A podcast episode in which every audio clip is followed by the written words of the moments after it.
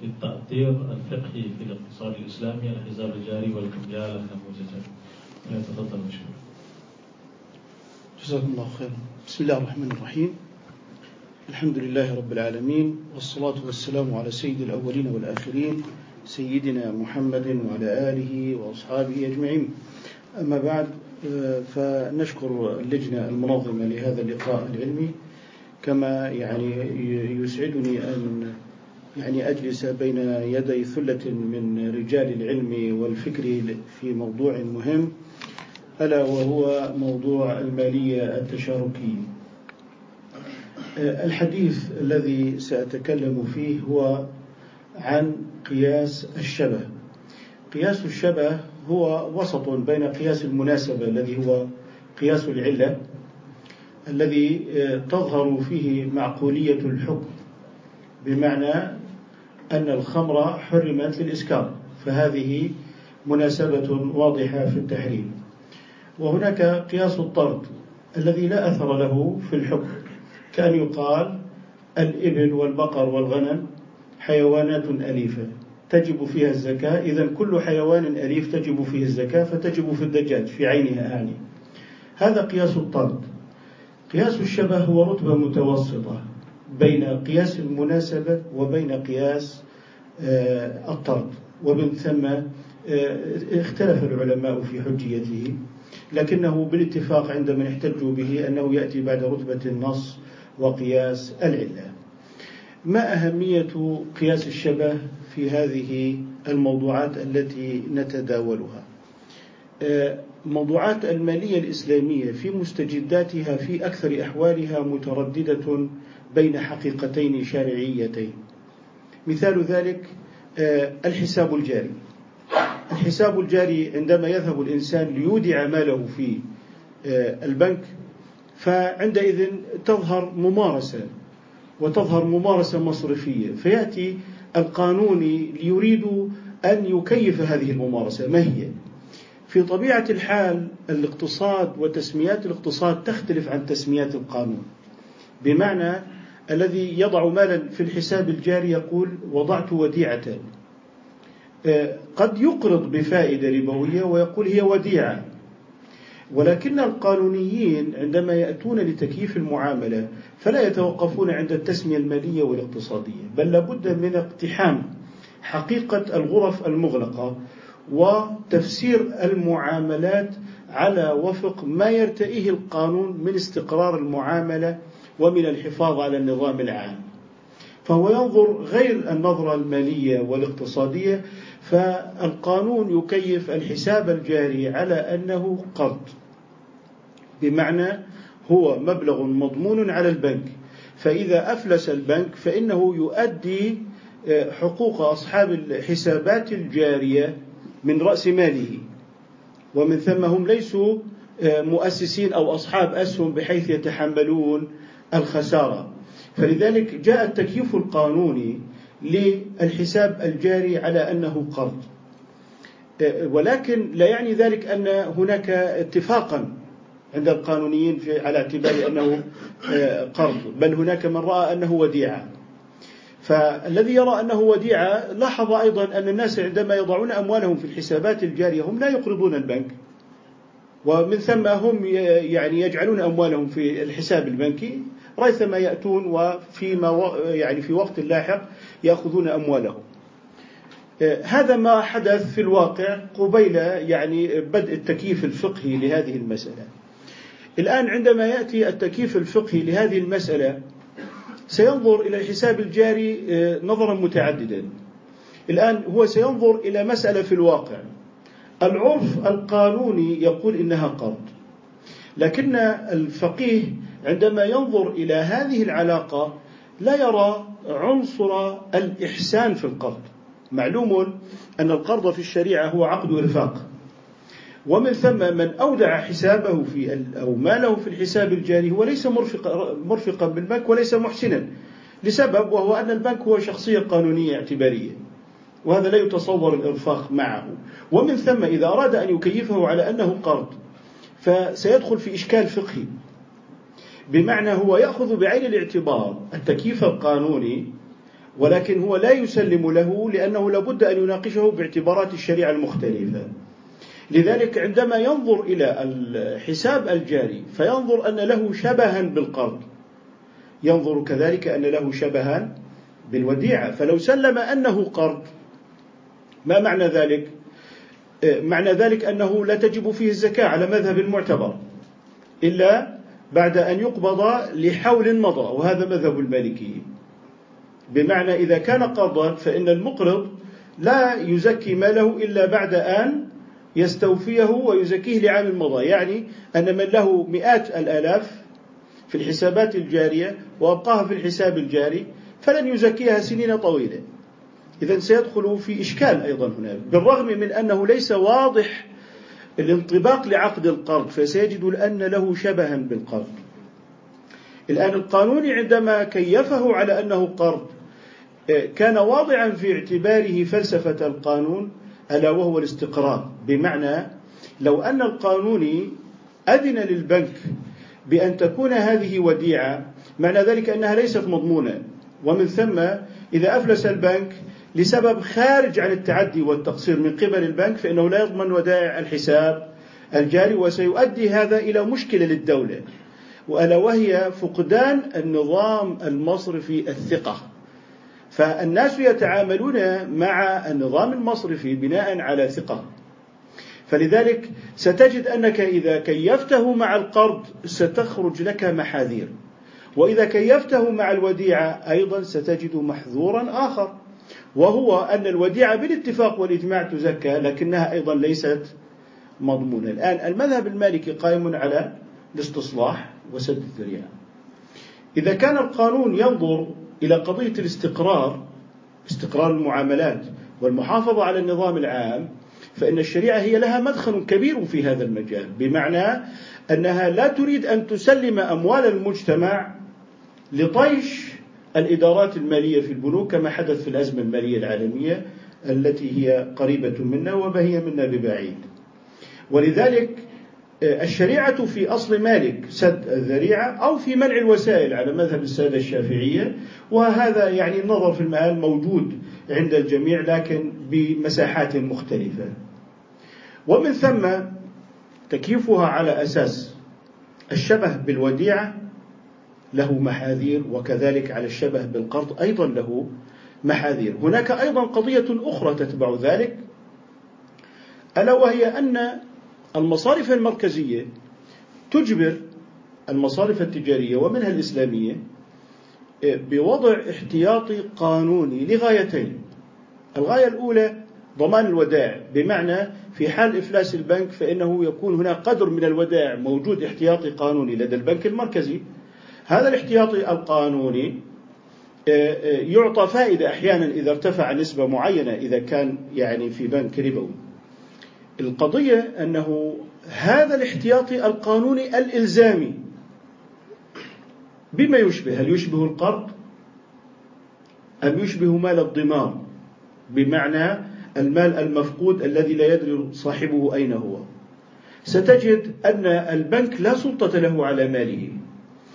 بالإضافة إلى أن هذا المال هو أيضا أموال المودعين لكن لغايات السياسة النقدية ولمكافحة التضخم وتقليل المعروض النقدي في السوق أو في تقليل السيولة يلجأ المصرف المركزي إلى رفع نسبة الاحتياطي لتقليل المعروض النقدي مقابل السلع حتى لا تطيش كفة النقود ومن ثم يحدث التضخم وهو ارتفاع الأسعار. الآن أنت أمام صور. في الحقيقة لا تستطيع أن تجزم قطعا بأنها على نحو واحد. إنما هي لها مناح مختلفة. وبالتالي لابد من مراعاة أقيسة الشبه وقياس الشبه هو الذي يتدخل في هذا الموضوع. فلذلك قياس الشبه في كونه يقبل معاملة مترددة بين طرفين وغلبة الأشباه عند جمهور الفقهاء معمول بها وهي حجة في محلها.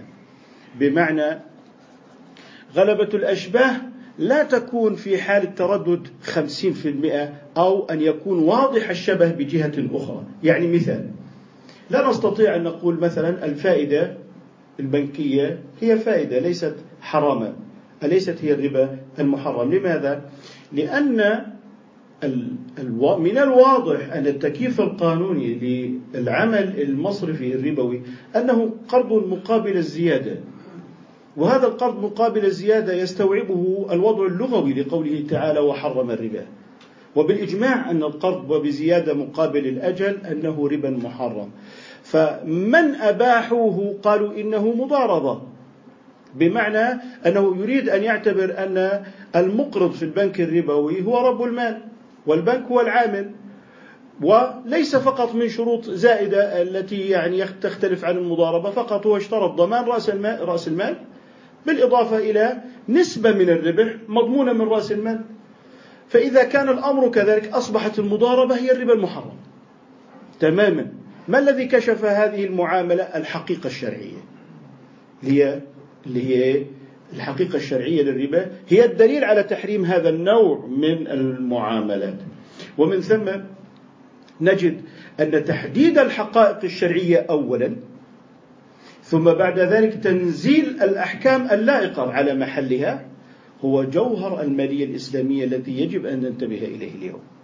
لذلك إذا قلنا إن آه، هذا أو هذه المعاملة البنكية هي مضاربة نحن قمنا بعمل خطير جدا وهو أننا أنزلنا حكم المضاربة لوجه شبه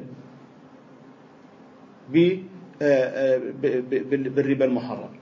فلذلك هناك أشباه موجودة وهي التي ستسبب التباس في المالية الإسلامية. بمعنى أنه لمجرد المشابهة قال إنه هذا إجارة لمجرد المشابهة قال هذا بيع. لمجرد المشابهة في وجه من الوجوه قال هذا آه، مضاربة. لذلك الحقيقة الشرعية جوهر مهم في المعاملات المالية الإسلامية. الآن كيف يمكن أن يتعامل المذهب المالكي مع معاملة؟ هذه المعاملة لها تعدد في وجوه الشبه. يعني لو تناولنا الحساب الجاري وربما لا يتسع الوقت للحديث عن الكمبيالة لكن أحببت أن أركز على الحساب الجاري والاحتياط القانوني لدى البنك المركزي في هذه المسألة لأن آه، هذا يعني له علاقة مباشرة في المالية الإسلامية. الحقيقة أنه المذهب المالكي عنده أصل رأي الخلاف. ولذلك يعني قال في نظم ابن أبي كف ومعروف هو يعني في تعداد أصول مالك قال ورأي خلف كان يعمل به وعنه كان طورا يعديل بمعنى أنه كان أصلا له لكنه ليس مضطردا لماذا؟ لأنه قد يعترض المسألة قياس العلة قد يعترضها النص. ومن ثم ستأتي مرتبة قياس الشبه مرتبة دون هذه الأصول. ومن ثم يعني قد لا يلجأ إليه إذا استطاع أن يتعامل مع أصل أعلى في الرتبة من هذه الأصول. لذلك هناك أصل رعي الخلاف ومستنده حديث عائشة رضي الله تعالى عنها. آه هذا الحديث اللي هو اختصام سعد بن أبي وقاص وعبد بن زمعة. عبد بن زمعة ادعى ولا غلاما أنه أنه أخو آه، عبد بن زمعة وادعى سعد بن وقاص أنه ولد أخيه عتبة. فجاء واختصما إلى النبي صلى الله عليه وسلم فرأى رسول الله صلى الله عليه وسلم شبها للولد بعتبة. ولكن الجارية كانت لوالد عبد بن زمعة. فحكم بالولد للفراش. حكم بالولد للفراش. وأمر سودة زوجة النبي صلى الله عليه وسلم بالاحتجاب من أخيها. بمعنى أثبت النسب وأنه أخ لها وفي الوقت نفسه أمرها بالاحتجاب منه مراعاة للشبه. هذا أصل من أصل من أصول مالك. وهو مبني عليه فروع كثيرة اللي هي الاحتياط في المذهب مبدأ الاحتياط مبدأ مبدأ مراعاة الخلاف فقد يستطيع بناء على هذا الأصل من السنة الصحيحة أن يعطي حكما مختلفا من وجوه متعددة لشيء واحد كما فعل النبي صلى الله عليه وسلم بحكمه بأن الولد للفراش وللعاهر الحجر وأمر زوجته سودة رضي الله عنها بالاحتجاب قال واحتجبي منه يا سودة. كيف نستفيد من هذا الأصل عند الإمام مالك؟ في آه، تحقيق آه، آه، سد الذريعة أيضا في تحقيق المصالح باعتبار الحساب الجاري من جهة يعني من جهة الزكاة وديعة فتجب فيه الزكاة بإجماع نظرا لشبهه بالوديعة كما قلنا. وأيضا يطبق عليه في موضوع الضمان القرض لأن له شبهان بالقرض فهو ليس قرضا آه، متجردا قرضا قاطعا بناحية واضحة لا كقرض البنوك بالفائدة الربوية. فهي لا يختلف فيها الناس مثلا على أنها قرض آه، بفائدة محرمة. فلذلك ما نؤكد عليه بأن هذا الأصل للإمام مالك الذي هو أصل رعي الخلاف وقياس الشبه قادر على أن يرفض المالية الإسلامية بأصل قوي. يمكن اشتقاق الأحكام بناء عليه حتى لا نقع في فخ المقاربات اللفظية. بمعنى إذا جئت إلى الحقائق الشرعية يجب أن تتنزل على الحقائق. الحقيقة الشرعية أن الإجارة مثلا هي بيع المنفعة مع احتفاظ بملك العين. طيب كيف تنتقل إلى التمليك؟ الإجارة المنتهية بالتمليك. الإجارة لا تنتهي بالتمليك. وإذا كانت الإجارة تنتهي بالتمليك فلماذا شرع الله البيع؟ واضح؟ فلذلك علينا أن نعنى بهذه الحقائق الشرعية وتنزيلها في محلها على النحو المعروف في تحقيق المناط. الذي عرفه التاودي بن سودة هو تصور انطباق كليات الفقه على جزئياته الحادثة. فكيف تنطبق أحكام البيع على جزئيات البيع القائمة والموجودة الآن. لذلك آه، الالتفات إلى الحقيقة الشرعية أمر مهم جدا. الحقيقة الشرعية لا تظهر في العقد فقط. قد تكتب في العقد ما تشاء ولكن الحقيقة لا تتضح من خلال العقد. بمعنى الحكم الشرعي لا يكتفى في آه، الإفتاء به بناء على العقد بل لابد من الالتفات. إلى التكييف القانوني لأنه هو الواقع ليس تقديسا للقانون هو عرف نقبله تقبل الشريعة نقبله. لا تقبل الشريعة نرده. الشريعة أعلى وأجل. هذا شيء جزء من عقائدنا. قضية القيد المحاسبي لأن المحاسبة فيها الجوهر يغلب الشكل بالاتفاق. التعامل الضريبي. لا يمكن أن نكيفها على أنها بيع بينما التعامل الضريبي على أنه أجرة لا يمكن أن نكيفها على أنها وديعة مال مضاربة بينما يسجلها البنك في جانب الخصوم بمعنى أنها في جانب المطلوبات لأن رأس مال المضاربة ليس في جانب المطلوبات وبالتالي علينا أن نتصور قيودا محاسبية جديدة ومختلفة في المصارف الإسلامية. لا يكتفي أن بداء مدين أو آه، مطلوب آه، أو الأصول والخصوم. لا يكفي ذلك. لا نستطيع أن نضع رأس مال الشركة ضمن الأصول والخصوم. لابد أن تكون هناك مشاركات وبالتالي لابد أن يعني تواكب المحاسبة المالية الإسلامية طبيعة العقود الإسلامية وتختلف عن المالية التقليدية الربوية التي فيها دائن ومدين الاقتصاد العالمي مهما تعددت صوره في موضوعات الاستثمار هي دائن مدين قرض وفائدة.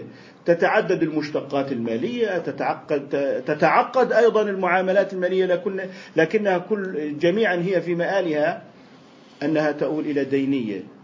ولذلك لا أريد أن أطيل وأن آخذ أكثر من وقتي المحدد حسبي أنني يعني حاولت أن ألامس الحقيقة الشرعية ومدى تنزلها على الواقع بدقة متناهية مؤكدا أن العقود صياغة تكتبها في جلسة.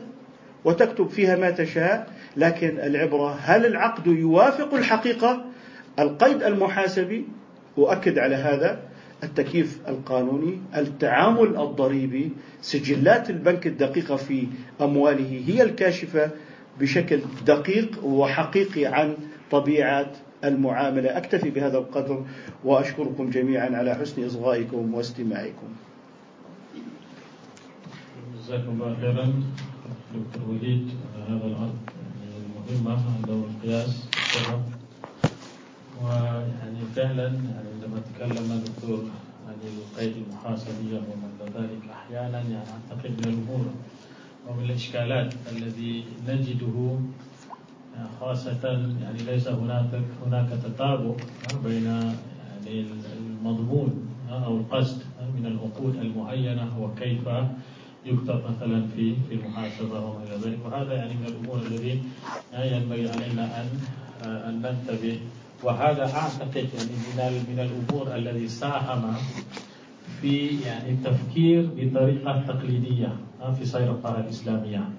بحيث أن الإخواننا الذين يعني يكون يكونون في الساحة عندما يسجلون وحتى ال system يعني في الكمبيوتر عندما يسجلون المعاملات المالية الإسلامية أنهم يسجلون مثل ما يسجلون معاملة الربوية. وهذا طبعا ساهم في معناته الخلل في في تفكيرهم. حتى يعني في عندما يكون هناك عقد البيع أو الإجارة أو أي عقود أخرى.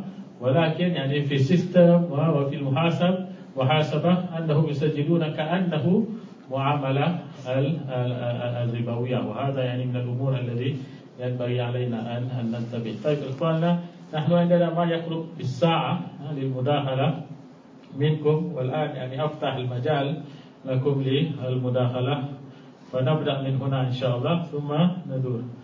طيب تفضل. السلام عليكم ورحمة الله. أشكر للإخوة المتدخلين آه، هذه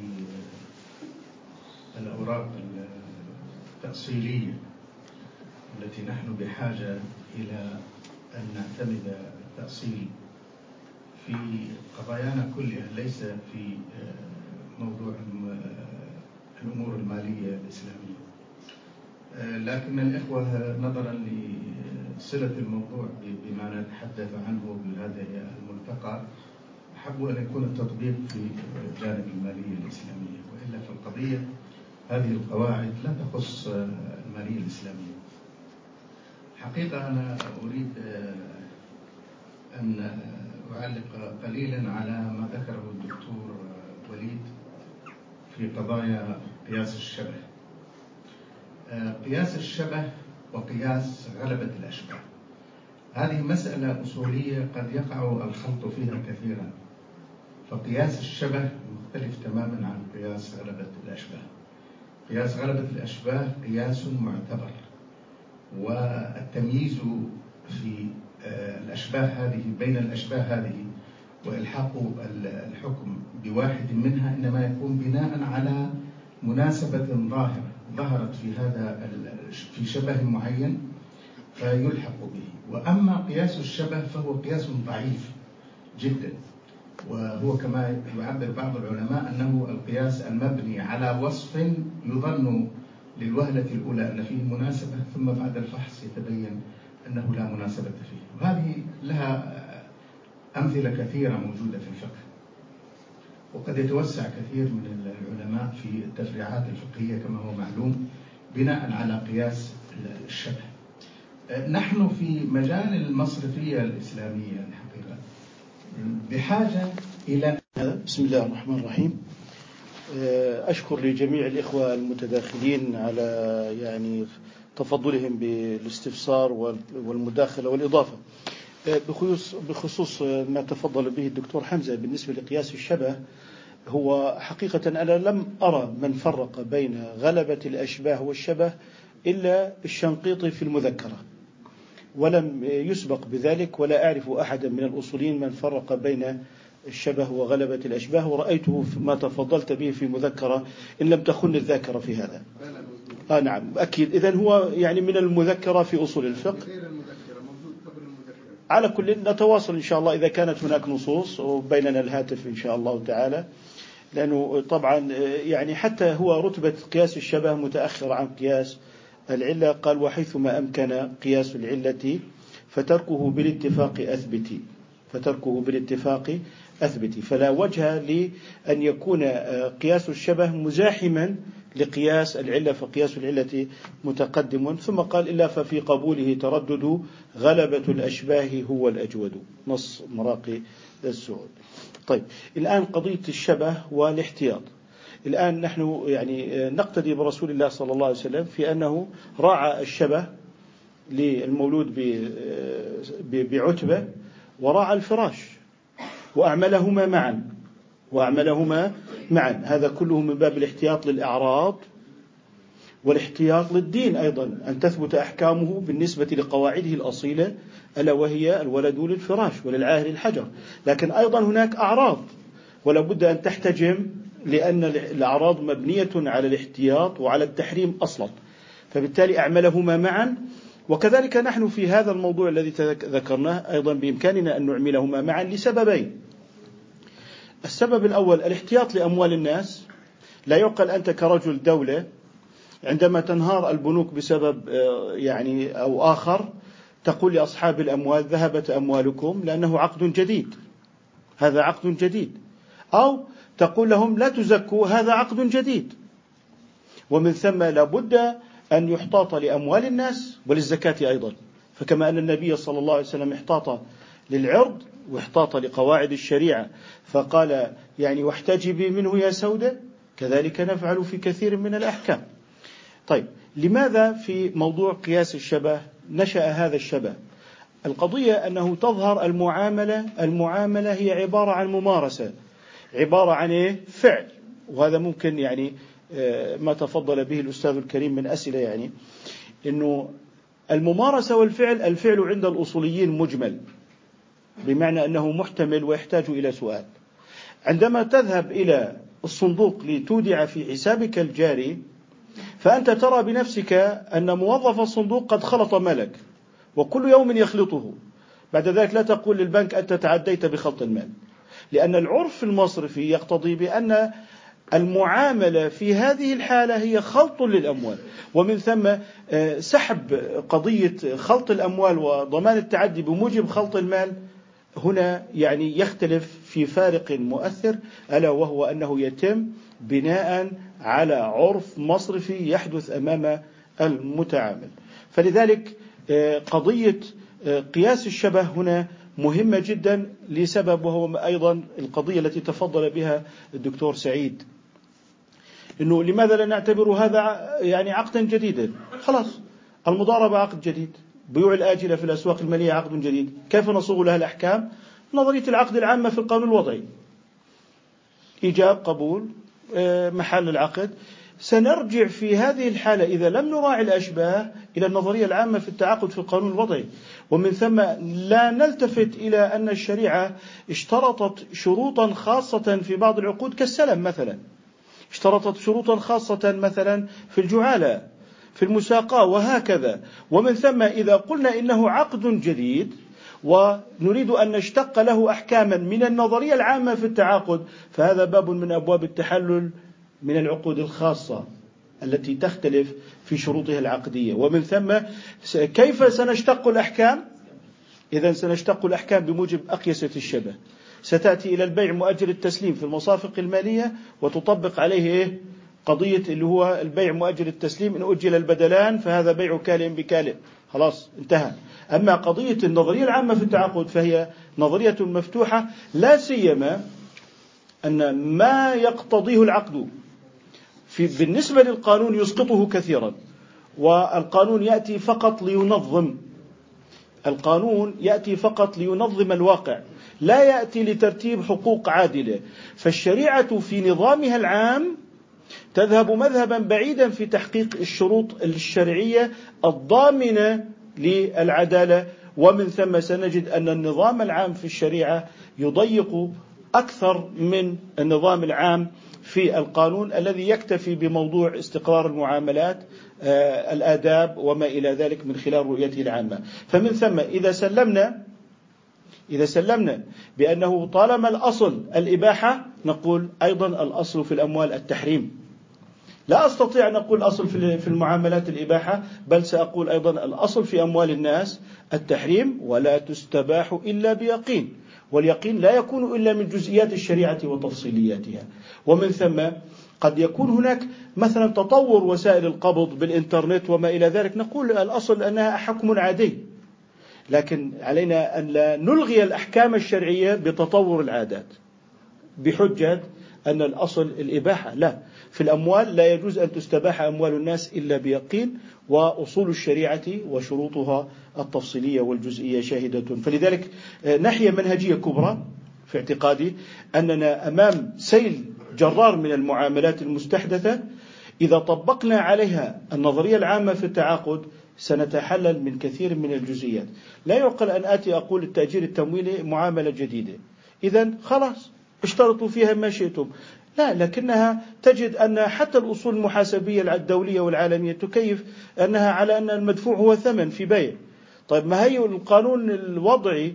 كيف الحساب الجاري مع أنه معاملة جديدة ويسميها المصرفيون بأنها ودائع.